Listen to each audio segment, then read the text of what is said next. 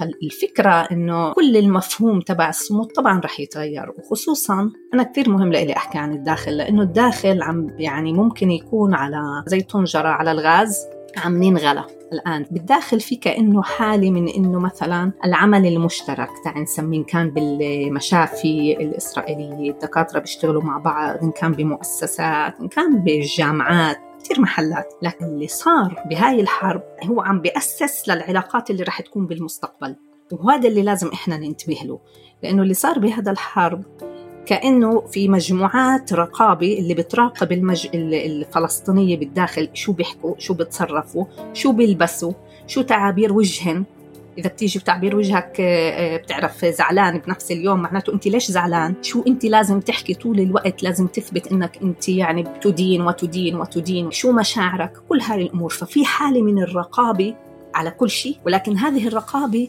مش فقط مأسسة من قبل الدولة. إنما هي رقابة مجتمعية يعني ممكن يكون زميلك بالعمل زميلك في العمل اليهودي. الإسرائيلي اليهودي هو اللي عم بيراقبك الفلسطيني اليوم بالداخل وهي اللي راح تأسس لعلاقات جديدة. ولشو يعني مفهوم الصمود وشو يعني البقاء؟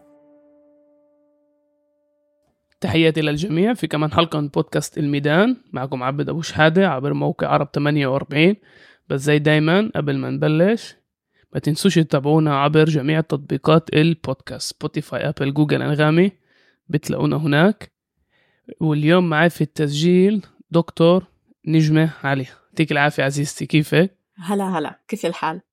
أنا الحمد لله تمام. دكتور نجمة علي محاضرة في العلوم السياسية في جامعة إيرفورت الألمانية بس هي مقيمة في فرنسا.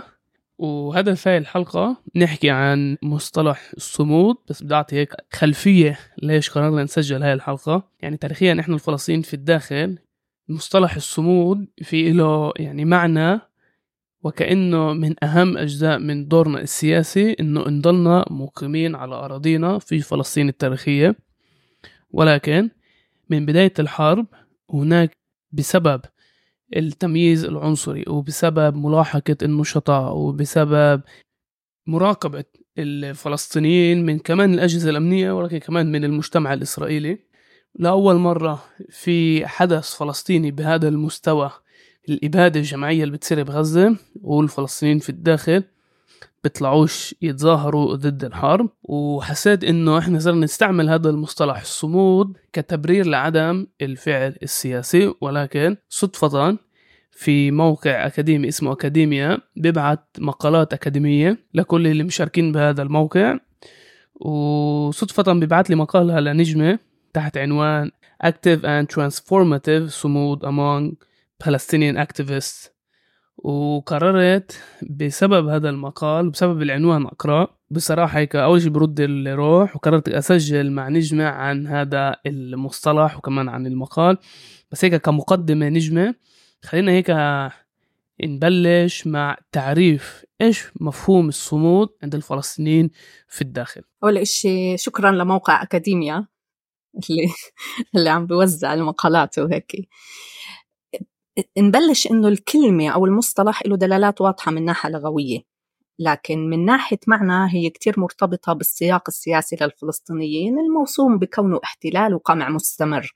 يعني ولا مرة وقف الاحتلال ولا مرة وقف القمع. فبالتالي كل ما كان في هناك قمع وكل ما كان في هناك احتلال وكل ما في كان قوة ممارسة ضد مجموعة معينة بده يكون هناك ردة فعل. إسا طبعا ردة الفعل هي في نسبة وتناسب. يعني هاي هي الشغلة اللي هي الترك اللي لازم كمان ننتبه له. فمثلا اللي يعني القوة الممارسة في الضفة اليوم القوة الممارسة في غزة ماشي أو القمع الممارس في غزة وفي الضفة هو مختلف عن القمع عن قوة القمع والقوة الممارسة في الداخل. فبالتالي ردة الفعل بتكون مختلفة. هاي النسبة والتناسب من ناحية السلوك السياسي. وهي شغلة كتير مهمة نفهمها إحنا كيف لأنه هذا اللي بتخلينا نفهم كمان ليش مثلا تم اختيار الصمود بالمفهوم اللي أنا إسا رح أحكي عنه كآلية مقاومة في الداخل. فمثلا إذا إحنا يعني مثلا بدنا نحكي بشكل عام من ناحية الأكاديمية دراسات المقاومة فيها عدة مدارس ومناهج اللي هي كمان مش بريئة نوعا ما لأنه يعني صار في سيطرة لدراسات المقاومة من خلال إنه تعريفها إنه في نوعين مقاومة في مقاومة عنيفة ومقاومة غير عنيفة وكأنه في صدام بيناتهن وكأنه في وحدة أحسن من الثانية ففي هيك دومينيشن معينة في هيمنة معينة في الدراسات الأكاديمية بهذا النوع. إذا إحنا بدنا نحكي بالسياق الفلسطيني لما نحكي عن مفهوم المقاومة بتم التطرق لثلاث توصيفات. المقاومة العسكرية وأول شغلة بتيجي لرأسنا الكفاح المسلح تاريخيا. يعني أنا بدي الإشي اللي هو هيك تقليدي نوعا ما. المقاومة الشعبية وكمان أول مثال بيجي لرأسنا في الانتفاضة الأولى. والمقاومة اليومية اللي إحنا اليوم اللي بنسميها صمود. بنحط هاي الكلمة هاي كلمة مرادفة للمقاومة اليومية. وهي حالة مرافقة إلى المقاومة العسكرية والشعبية. طبعا مفهوم الصمود كحالة توصيف انكتب عنه كتير بس دائما التوجه كان إنه توصيف الحالة. أكثر من إنه فهمها تأثيرها على السلوك السياسي للأفراد وشو يعني وللمجموعات. فمثلا ارتبط معنا الصمود ثقافيا بعلاقته بتوثيق الهوية الفلسطينية والمحافظة عليها من خلال مثلا إحياء شغلات مثل التطريز اللهجات العادات الغناء الشعبي الطعام كل هاي المظاهر اللي هي مميزات شعب. وهي يعني إحنا ممنوع نس نس يعني نستهتر فيها لأنه هاي هي فعليا أنا بسميها الدبئ اللي بيجمع جميع الفلسطينيين بكل أنحاء العالم لأنه هاي عابرة للحدود. لكن سياسيا وهون الشغلة اللي إحنا لازم ننتبه لها مفهوم الصمود خاضع للظرف الزماني والمكاني. يعني الصمود السياسي عند اللبنانية الفلسطينية اللي بلبنان ممكن يكون ضد التوطين. عند الفلسطينية بالضفة اللي هي بظل اللي عايشين بظل سلطة فلسطينية لم يعني اليوم هي فاقدة شرعيتها في يعني وانتخابيا يعني كثير شغلات يعني. فممكن يكون الصمود السياسي هو المحافظة على الحريات الفردية في ظل هاي السلطة. بغزة اليوم الصمود السياسي ممكن يكون اللي مباشر ضد التفجير القسري وضد التطهير العرقي. فأنا اللي بدي أقوله إنه فعليا الصمود من ناحية سياسية هو كتير فضفاض تعريفه كتير فضفاض وهو ما له تعريف واحد. إذا بدنا نيجي للفلسطينية في الداخل اللي هو هاي هي النقطة اللي إحنا بدنا نحكي عنها أكثر يمكن بهذا البودكاست. إنه سياسيا الصمود ارتبط زي ما أنت قلت بمفهوم البقاء الجغرافي البقاء في الأرض. إنه إحنا نبقى في هذا المكان ولا نتحول. لاجئين مش مهم شو الثمن. وكان له مقومات هذا البقاء أو هذا الصمود. يعني مثلا إحنا بنحكي عن نقاش حول التمثيل السياسي أو عدمه.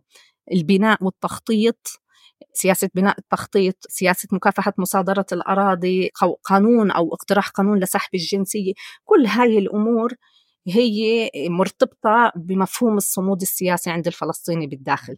فإحنا اليوم بنحكي عن عن شغلات اللي هي أنا فاهمة إنه في كتير أمور مع بعض بس يعني مهم جدا إنه إحنا نفصل. بين رومانسية الصمود وبين كونه عن جد آلية للحفاظ على على هويتنا بس كمان على الحفاظ على وجودنا الجغرافي الفلسطيني بفلسطين فلسطين 48 انت انت بدك تطلعنا من دارنا؟ فيش مش راح مش راح تطلعنا يعني.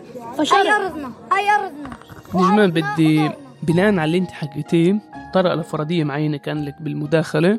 ببداية المداخلة وبعدين بناء عليها أنت المحور الثاني. فببداية المداخلة ذكرت إنه كيف آه، الشعوب الموجودة تحت الاحتلال دائما بتطور أدوات تتحدى الاحتلال وكأنه هي غريزة إنسانية فينا عشان بنكون فاهمين إنه في إشي غلط. اللغة ممكن تتغير الأساليب ممكن يتغيروا ولكن هذا إشي مبني فينا إحنا. وفي سياق الفلسطيني هذا الصمود إنه بسبب الترحيل الفلسطينيين إحنا طورنا هذا المصطلح. فهذا بخليني أفكر يعني هل هذا بسبب وجود الاحتلال وفقط بس وجود الاحتلال ولا بسبب تسييس سياسي اللي مرقناه؟ إيش اجى قبل تسييس ولا الرغبة الداخلية فينا نتحدى الاحتلال؟ طلع هذا هذا سؤال جدا مهم لأنه يعني أنا زي ما أنهيت إنه يعني يجب الانتباه إنه ما نقعش بفخ رومانسية الصمود. مش بالضبط إنه هذا في جواب واحد في عدة أجوبة لهذا الموضوع. في شغلة لازم ننتبه لها إنه الفلسطينية اللي ضلوا بعد 48 بأغلبهم فلاحين.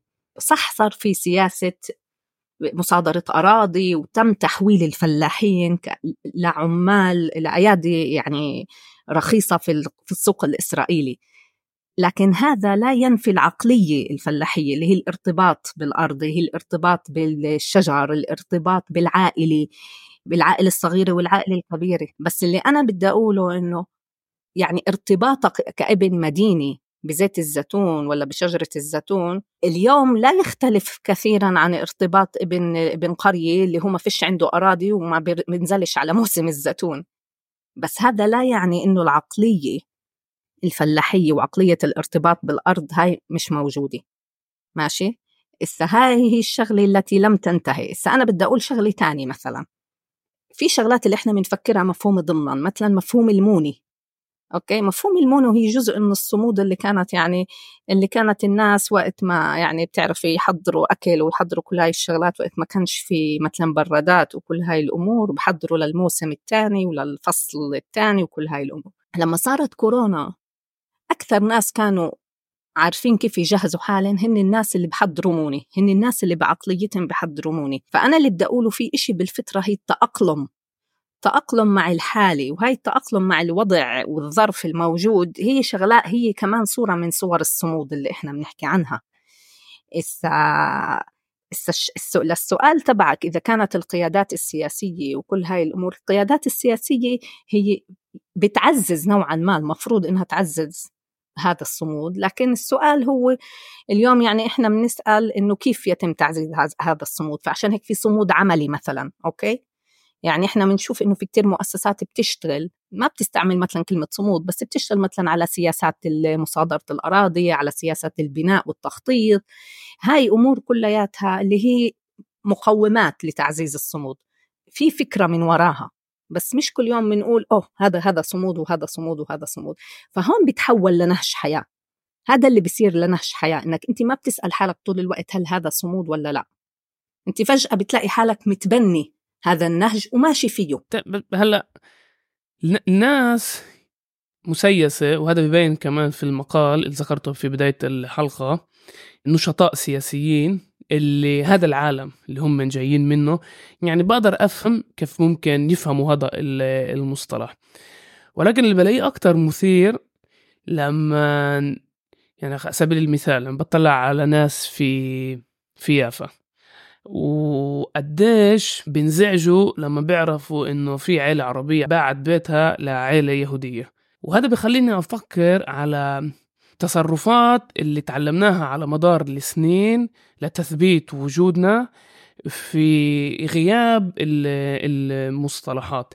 هلأ يعني أنت لما عملت المقابلات مع النشطاء أو عملت كمان مقابلات مع ناس اللي هم مش مش شرط بيعرفوا حالهم كنشطاء هل ممكن تقول لنا إنه يعني هذا في إشي مبني إحنا فينا أثر على ثقافتنا وحياتنا اليومية لدرجة إنه إحنا بنفهمها حتى بطريقة يومية وهيك إحنا يعني تحولنا؟ يعني هذا السؤال هو مثل مين أجا قبل البيضة أو الدجاجة زي ما أنت قلت النشطاء السياسيين أكيد عند يعني كم الوعي الموجود عندهم بخليهم يشوفوا الأمور بشكل أوضح أو يربطوا الشغلات بشكل أوضح. بس هذا ما بيقول مثلا إنه اللي مش ناشط سياسي أو إنه الناس اللي هي موجودة بالفطرة يعني بتطلع وبتشوف الأمور إنها هي مش شايفة. بالعكس بتكون في كتير يعني في كتير كمان يعني وجهات نظر اللي هي مختلفة.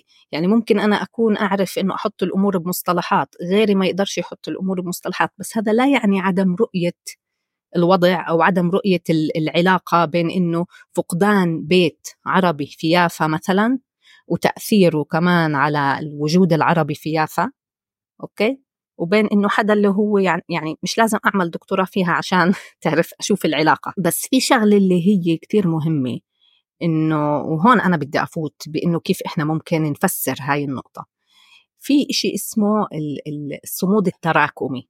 والصمود التراكمي هو اللي مبني مثلا على الروايات اللي إحنا بنسمعها من أهالينا ومن سيادنا ومن أجدادنا ومن أصدقائنا وكل هاي الأمور. فلما أنت وهي هي اللي بتوصل يعني وصلتنا للنقطة اللي إحنا موجودين فيها.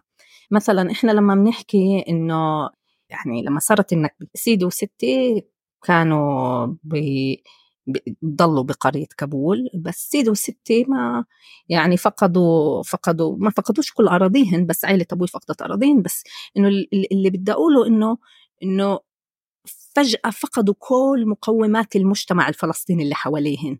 الحياة لغة جديدة ناس جديدة لغة بيعرفوهاش.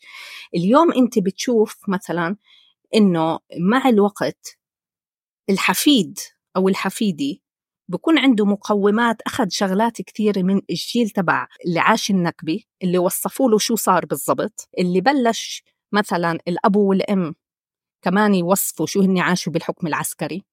فإحنا وصلنا وصل لنا معلومات. هاي المعلومات هي معلومات تراكمية. هاي النضالات هي نضالات تراكمية. لليوم بوصل إنه إحنا قادرين إنه نحكي عن الموضوع بنظرة. هيك نرجع شوي لورا ونقعد نوصف الشغلات. لكن اللي بدي أقوله إنه في يعني نولج أو معرفة اللي هي بناخدها من الأهل هاي المعرفة اللي هي موجودة على الأرض هاي المعرفة اللي مو مش موجودة بالثيوري مش موجودة بالنظريات. وهاي المعرفة اللي إحنا بشي مرحلة بدنا نقطرها منحولها لنظرية. لكن في معرفة اللي هي موجودة بالأرض ونتيجة للسلوك اللي موجود للتجربة اللي بمرقوها جيل ورا جيل. فصمود مثلا سيدي وسيدك صمود أهلي وأهلك. ممكن ينعكس مثلا بشغل الإصرار على إنه إحنا نتعلم. الإصرار على إنه إحنا نكون أحسن منهن. الإصرار على إنه إحنا نبني عائلات. يعني هذا هو استمرار يعني هاي الشغلات اللي هي بالفطرة. ماشي؟ لكن هذا هو إصرار وهذا اللي بوصلنا للنقطة اللي إحنا موجودين فيها اليوم.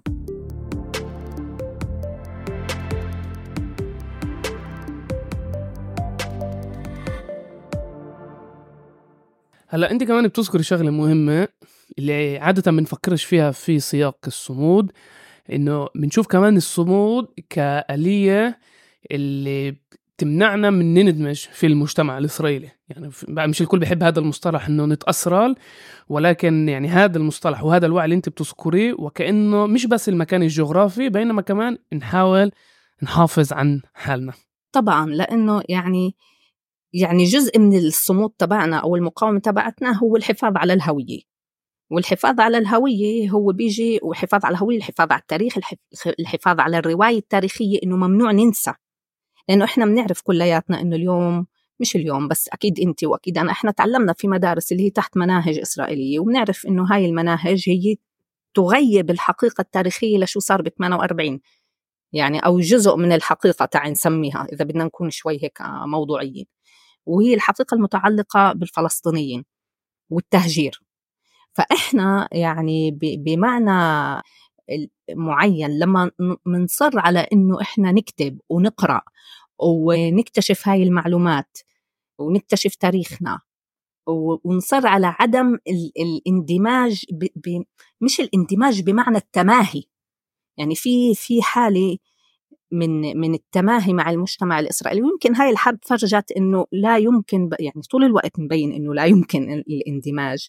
لكن هاي الحرب كانت واضحة جدا خصوصا إنه بالسنوات الأخيرة طلع تيار سياسي اللي بفكر إنه الاندماج بالمجتمع الإسرائيلي هو الحل.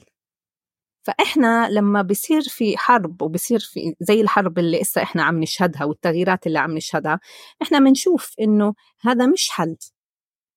فلسؤالك إذا كان الصمود هو جزء من عدم يعني الإصرار على عدم الاندماج هو لأنه بالمقابل الإصرار على إنك تحافظ على الهوية تبعتك.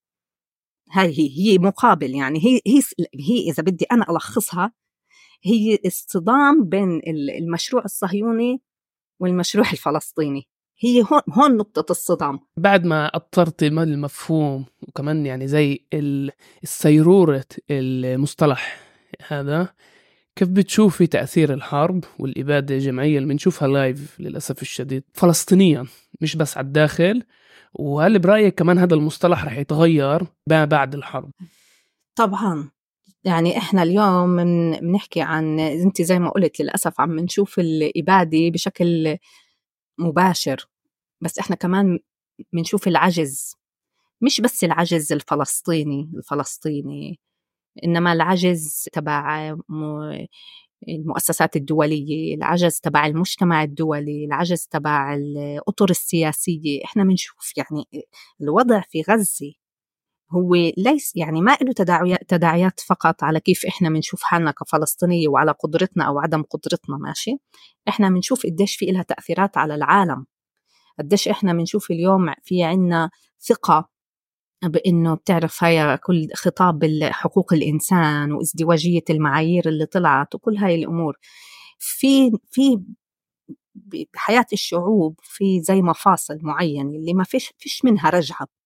واحدة منها أنا بفكر هي اللي عم بيصير اليوم بغزة كمان لحجم الإبادة بس كمان للعجز العالمي اللي إحنا عم, عم نشهد يعني بتعرف دائما كانوا بيحكوا عن الكارثة وعن ال שואה وعن تعرف الهولوكوست. الهولوكوست لم تكن مصورة زي إحنا اليوم كل المعلومات عم توصلنا. توصلنا يعني بشكل يعني ما في في ما في شك للأمور إنه كله موثق وكله بوصلنا وبوصل للعالم فالعالم كله يشهد على المجزرة أو على الإبادة الجماعية والعالم كله غير قادر على إيقاف هذه هاي الإبادة. وهذا اللي بده يكون له تأثير. له تأثير كمان على المفهوم طبعا تبع الصمود تبعنا. اليوم أصلا إحنا إذا بنشوف مثلا شو عم بيصير بغزة يعني إحنا بنشوف الفيديوهات اللي بتيجي عن الناس اللي هي عم بتحاول هاي بسموها ال survival البقاء البقاء على قيد الحياة. مثلا من خلال الطبخ من خلال آه، بتعرف إيجاد الطعام من خلال الأكل الجماعي من خلال توزيع أنا عارف المياه كل هاي الأمور من خلال الصمود تبع الطاقم الطواقم الطبية الطواقم الصحفية كل هاي الشغلات. إحنا بنشوفها وإحنا بنطلع عليها كمتفرجين إنه دول أبطال. يعني أنا بشوف إن أبطال بس إنه بالآخر هاي غريزة البقاء. إذا أنت كنت قاعد بغزة كمان أنت رح تتصرف هيك وإذا أنا كنت قاعدة بغزة كمان أنا رح أتصرف هيك. فبهاي الطريقة إنه أنا بدي أدور على أكل وأنا بدي أعطي أكل لأولادي ولأخوتي ولكل ولأصدقائي وبدي أطمن على أصدقائي وهاي الشغلات. فالفكرة إنه إنه إنه كل المفهوم تبع الصمود طبعا رح يتغير وخصوصا أنا كثير مهم لإلي أحكي عن الداخل لأنه الداخل عم يعني ممكن يكون على بسموها كيف بسموها زي طنجرة على الغاز. عم ننغلى الآن في الداخل صار في حالة من حالة بسموها مجموعة الفسادين. بدي أحكي شو يعني مجموعة الفسادين. بالداخل في كأنه حالة من إنه مثلا العمل المشترك تعال نسميه إن كان بالمشافي الإسرائيلية الدكاترة بيشتغلوا مع بعض إن كان بمؤسسات إن كان بالجامعات كثير محلات.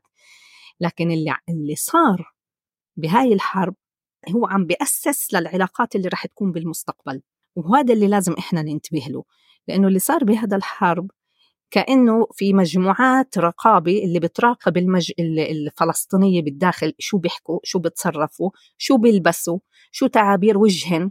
إذا بتيجي بتعبير وجهك تعرف زعلان بنفس اليوم معناته أنت ليش زعلان؟ هل أنت بتت يعني شو أنت لازم تحكي طول الوقت لازم تثبت إنك أنت يعني تدين وتدين وتدين وتدين؟ شو مشاعرك؟ كل هذه الأمور. ففي حالة من الرقابة على كل شيء ولكن هذه الرقابة مش فقط مأسسة من قبل الدولة إنما هي رقابة مجتمعية. يعني ممكن يكون زميلك بالعمل هو اللي عم بيراقبك. فاللي عم بيصير زميلك في العمل اليهودي يعني آه الإسرائيلي اليهودي هو اللي عم بيراقبك. يعني هاي هي حالة الإسكات اللي عم بتصير اليوم بس إنه إنه أنا اللي بدي أقوله إنه إحنا الفلسطينية اليوم بالداخل عم نغلي يعني إحنا زي اللي موجودين بطنجرة عم بغل بغلونا وإحنا وهي اللي رح تأسس لعلاقات جديدة ولشو يعني مفهوم الصمود وشو يعني البقاء.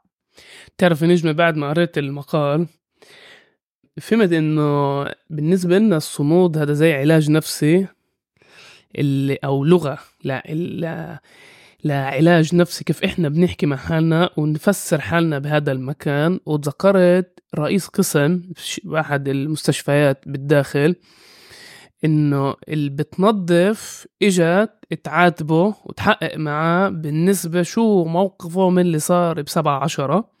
هلا طبعا يعني يعني فيش عيب بالشغل مش والله إذا حد مدير قسم أهم من اللي بتنظف.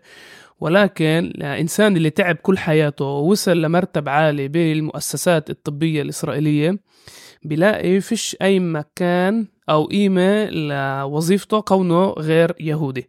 فتخيلت هذا المصطلح كمصطلح علاجي لإله إنه يقول أنا موجود هنا بالرغم من الإهانة اللي ممكن مرقتها من إنسان اللي ما تعبش زي ما أنا تعبت. بالضبط. بس في كمان شغلة مهمة. هاي الحرب كشفت إنه إحنا يعني النظرة لإلنا لما كانوا زمان يقولوا تاريخيا إنه وهون ضربتها مع الصمود تاريخيا يعني بدنا إيانا نكون يعني حطابين سقاط ماء وحطابين أو حطابين وسقاط ماء هاي هي الجملة. ف... فأنت بالآخر هاي الحرب بتكتشف لك يعني يعني هاي الحرب كشفت لك بشكل علني إنه بالفعل هذا هو هذا هو المكان اللي معدود لإلك.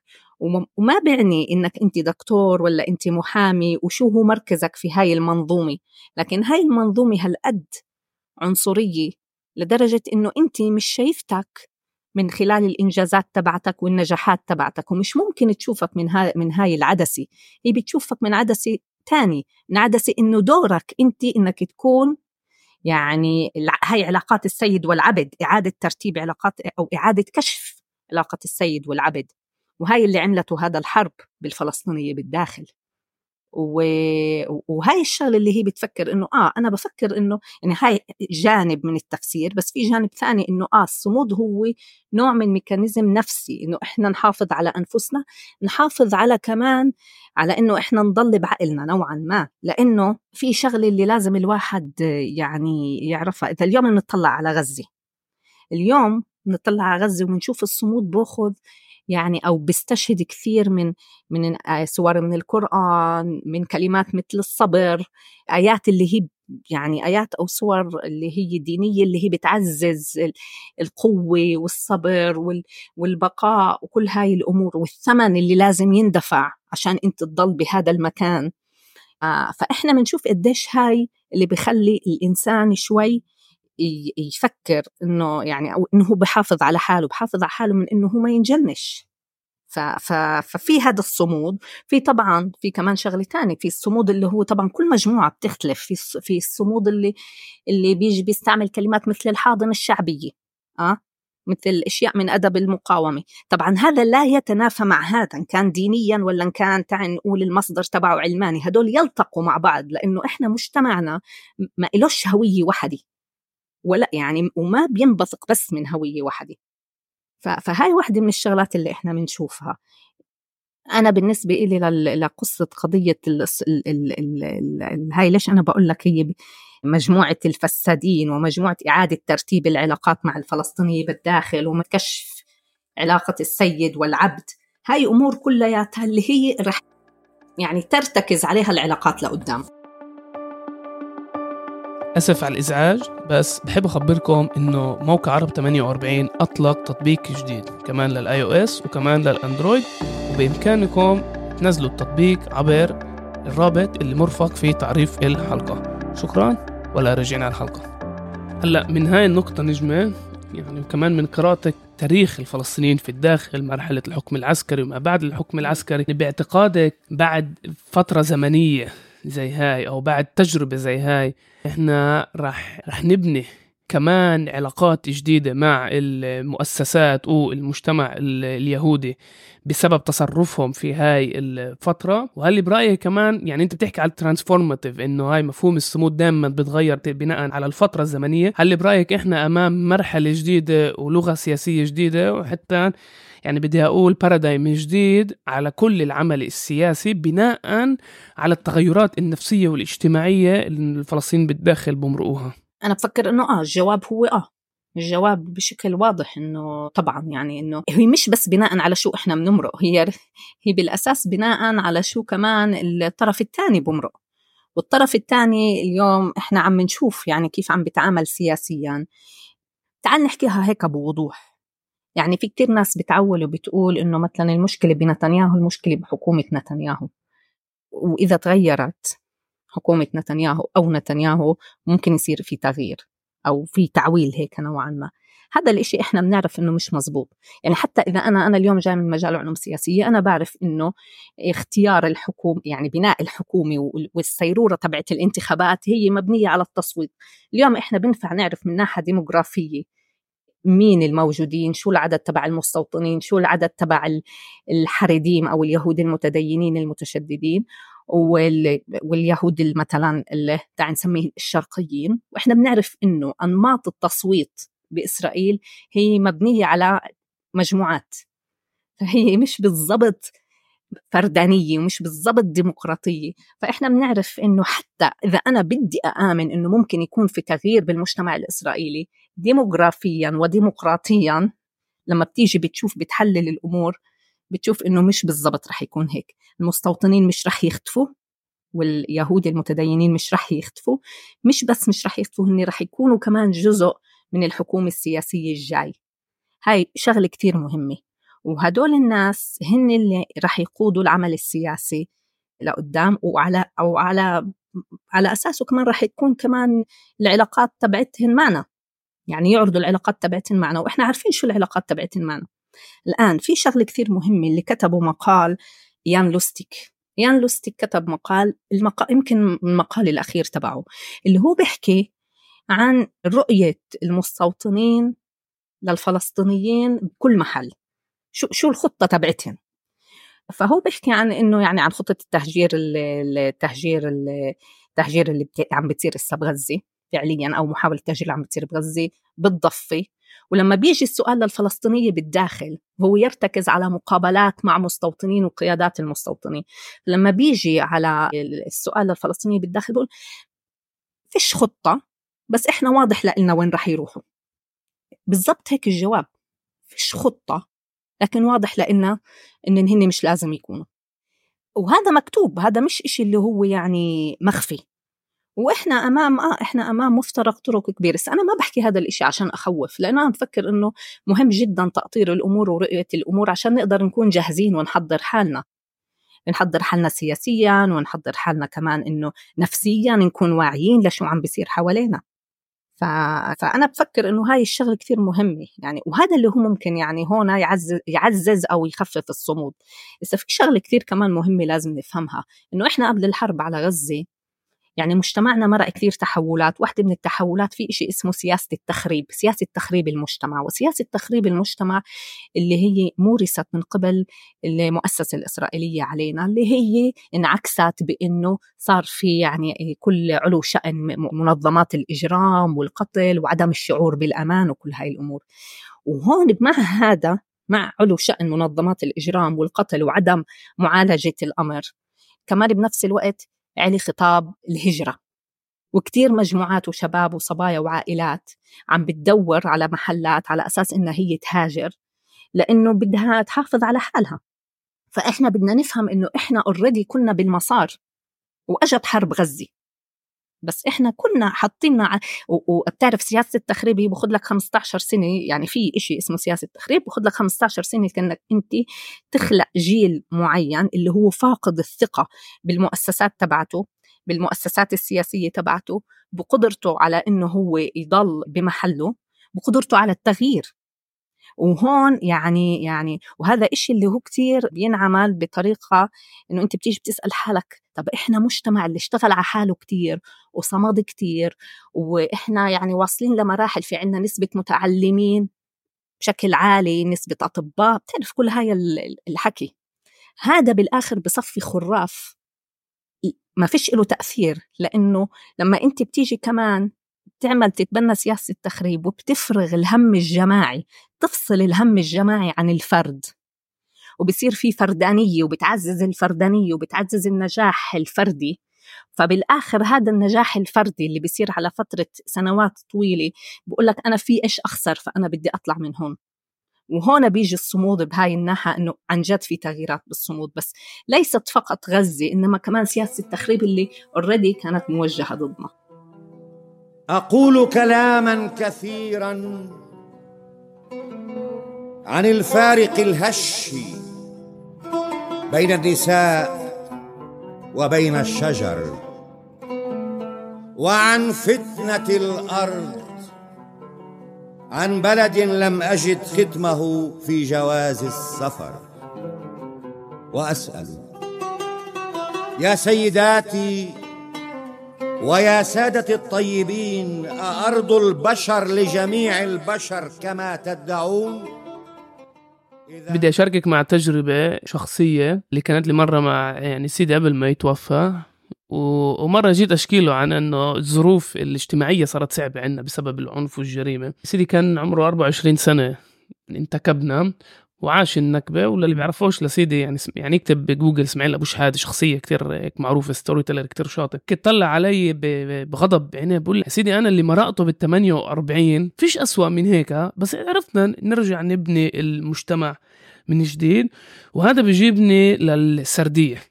انت حكيتي على ذكرتيها من قبل على سردية الشخصية اللي بناخدها من أهالينا اللي بتساعدنا نكون شخصيتنا وهويتنا وكمان يعني بجاوب على الأسئلة مين إحنا بهاي الدنيا. اللي باعتقادي قبل أحداث 7 أكتوبر وكأنه فقدناها بسبب النجاحات الشخصية وبسبب الفردانية وشفناها كمان ب ضعف الأحزاب السياسية وتراجع الخطاب السياسي. بس هل ممكن نقول إنه بسبب كل هذا طبعا يعني يعني الإبادة اللي بتمرقها غزة بتبررش ولا إشي يعني. بس هل برأيك الحرب راح تقوي السردية ولا بتعلق بالوكالة الشخصية بالايجنسي للاعبين السياسيين اللي ممكن هلأ يغيروا الخطاب السياسي في الداخل؟ يعني أنا كمراقبة من من بعيد آه بخليني أشوف الشغلات شوي يمكن أوضح أو أوسع أو بتعرف تشوفها بسياقها الأكبر. السلوك السياسي اللي كان بعد الحرب اللي كان كمان من القيادات السياسية اللي هي جزء من المجتمع يعني هي مش جاي كمان من المريخ بس هي تيبيكال سياسة السلوك المقموعين. هاي هي يعني هي بالضبط هيك.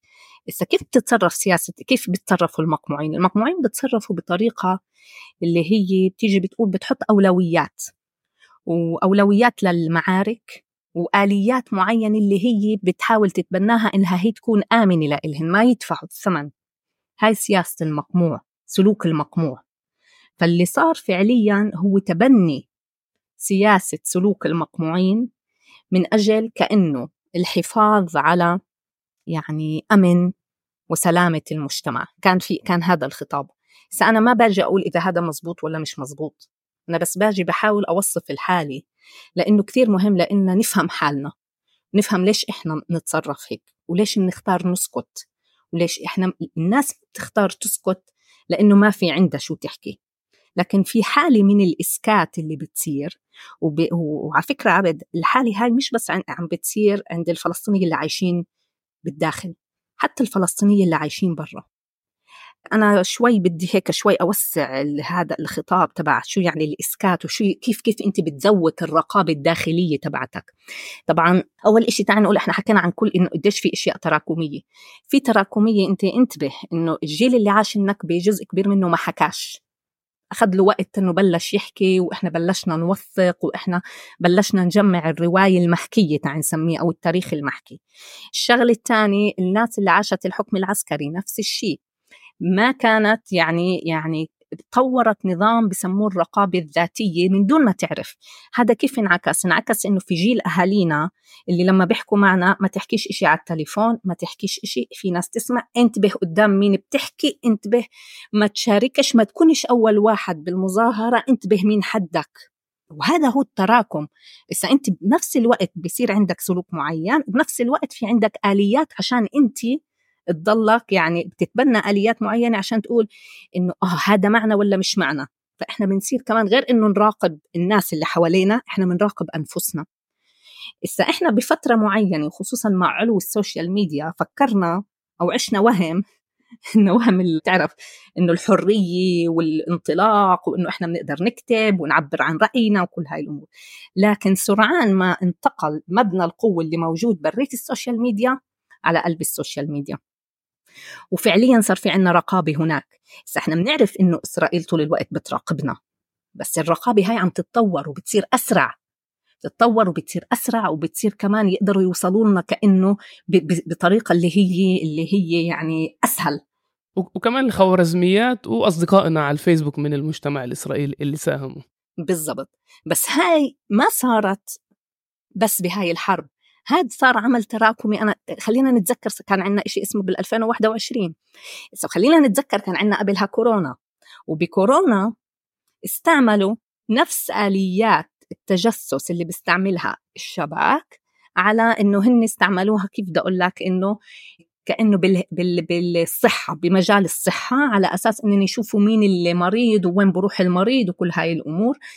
تم تسويقها بهديك اللحظة بفترة الكورونا عالميا تم تسويقها أنه هاي هي يعني قمة التكنولوجيا وقمة بتعرف التطور وإحنا لازم نتبع الآليات اللي بتتبناها إسرائيل. بس أنا ليش بحكي عن كل هاي الأمور؟ لأنه إحنا لما بنيجي بنشوف شو عم بيصير فينا اليوم وأنا كتبت عنها بشغل صغير سميتها الأسرة للضابطة.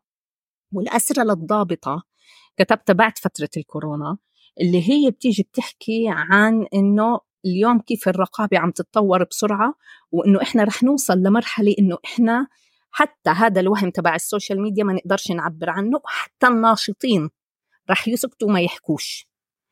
هاي عملية إسكات لأنه أنت بتيجي بتقعد بتفكر مع حالك بتقول أنا مش مستعدة نحبس على status بالفيسبوك. في في يعني كمان في هاي الشغلة. الآن اللي اللي بدي أقوله إنه اللي عم بيصير هو كمان إسكات بكثير محلات بالعالم. في مثال رح أعطيه اللي هو موجود بأمريكا حاليا اللي هو ما بعرف إذا بتعرفوا الكناري ميشن. اللي هن بيراقبوا اللي بتجسسوا ورا الطلاب وشخصيات في الغرب على موقفهم من إسرائيل ومن القضية الفلسطينية. بالضبط. وبيعملوا قوائم سوداء. فعليا إذا أنت اي حدا من المستمعين أو أي حدا يعني معنيّ إنه يشوف شيء بحط كناري ميشن بيطلع له website بيطلع له هناك بشكل علني حاطين صور الأشخاص ومثلا إن كان طلاب إن كان أكاديميين موجودين بالجامعات إن كان صحفيين ومعلومات عنهن وشو هن موقفهن من القضية الفلسطينية. وهاي بسموها ال black list اللي عم بيعملوها القوائم السوداء اللي عم بيعملوها عشان هاي الناس ما تاخدش positions لقدام ما تاخدش محلات شغل والناس تخاف تشغلهن. إن كان محلات اللي هي بالأساس جامعات بالأساس أنت بتحكي عن مكاتب حقوق هاي الأمور. إحنا عم نحكي إنه في إشي واللي عم بيصير بالعالم نفس الشيء بفرنسا عم بيصير بألمانيا عم بيصير ملاحقة الناس واسكاتهم فتخيل أنت على الفلسطيني اللي عايش في الداخل اللي مش عايش شوي برا وقادر شوي يتنفس اللي عايش بالداخل شو هو بحس؟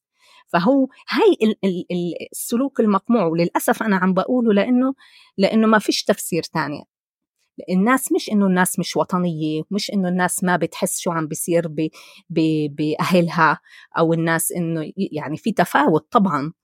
أنا ما بدي أقول كل إشي زهري ووردي وحلو وبجنن لكن إنه إحنا اللي بنحكي إنه الناس بالعكس كانت تشعر مثلا. يعني أنا وياك بنعرف إنه كانت لما تطلع مظاهرات لما كانت غزة أو أي شغلة بتصير إنه بنحكي إحنا إحنا بنتذكر مظاهرات كبيرة. إحنا بنتذكر هالمظاهرات كبيرة. هسه اللي أنا بدي أقوله مثلا باختيار المعارك كل هاي الأمور إنه لما كانت المظاهرات هاي الكبيرة طلعت هاي كانت المظاهرات مرخصة مثلا. هاي مرخصة كأنه لأنه على الحفاظ علينا وإحنا ضمن القانون وكل هاي الأمور. لكن هاي الحرب كشفت إنه القانون لا يعمل. كل شيء وقف. كل شيء وقف بطريقة إنك أنت بدك تعيد برمجة سلوكك وبرمجة ردة فعلك بحسب التغييرات اللي عم بتصير بالمؤسسة نفسها. ويمكن أكبر مثال إحنا بنحكي عن صديقنا انتقال المحامي أحمد خليفي وشو صار معه وكل هاي الأمور اللي هي بكل بساطة طلع مظاهرة يعني. وباعتقادي كمان يعني شفنا إنه الدولة ومفهوم الدولة وقوانين الدولة من ناحية واحدة سقطوا والمجتمع الإسرائيلي تحول هو الدولة يعني كل واحد في المجتمع الإسرائيلي أخذ عادته يتحول للشرطي وللجندي وكمان يعني تسلحوا في طريقة هستيرية. صحيح. بس بدي أقول لك شغلة إنه أنت شفت إن إحنا لازم كمان ما يكونش يعني نتذكر إنه هذا الإشي كمان اجى تراكمي. إحنا بنتذكر إنه ب 2021 شو صار. خلينا طبعا قبلها كمان صار كتير شغلات. أنا بتذكر بال 2014 يمكن كمان كان في عدوان على غزة. وبتذكر هناك بلشت بشكل واضح أي حدا بيحكي يعني كأنه هجوم على كل حدا مثلا بيكون بالباص بيحكي عربي. بتذكر إنه حتى إنه الإسعافات سيارات الإسعاف يفتحوها يدوروا إذا في حدا عربي. هي صارت بحيفا. فبعدين بتيجي بال 2021 بنشوف كمان شو صار كيف كان كمان كل المجتمع الإسرائيلي أصبح هو الشرطي. اليوم إحنا بنحكي يعني يعني إنه مش بس كل المجتمع الإسرائيلي أصبح الشرطي أصبح الشرطي شرطي مع سلاح مع آليات قمع مع مع قدرة على التأثير. فهي قصة الإسكات اللي هي اللي بتخوف في الحقيقة. إسا هي بتخوف من محل إنه إحنا ممنوع نتعود عليه بس كمان لازم نفهم من وين هذا الإشي جاي. دكتور نجمة علي. يعطيك العافية عزيزتي. بس هيك ملاحظة أخيرة من سخرية الموضوع. قبل قبل 7 أكتوبر قبل الإبادة في غزة بسبب التعديلات الدستورية الصحفي الإسرائيلي نخوم برنيعة كان كاتب مقال في جريدة يدعوت بسبب التعديلات يجب على المجتمع الإسرائيلي لمعادلة هاي التعديلات يتبنى مصطلح الصمود من الفلسطينيين. فلما بعثوا لي إياها التقرير قلت آه كمان هذا بدهم يسرقوا لنا اياه شكرا كثير عزيزتي يعطيك العافية. شكرا كثير كثير لك وهذا كان كمان حلقة من بودكاست الميدان وزي دايما ما تنسوش تتابعونا عبر جميع تطبيقات البودكاست سبوتيفاي أبل جوجل أنغامي بتلاقونا هناك.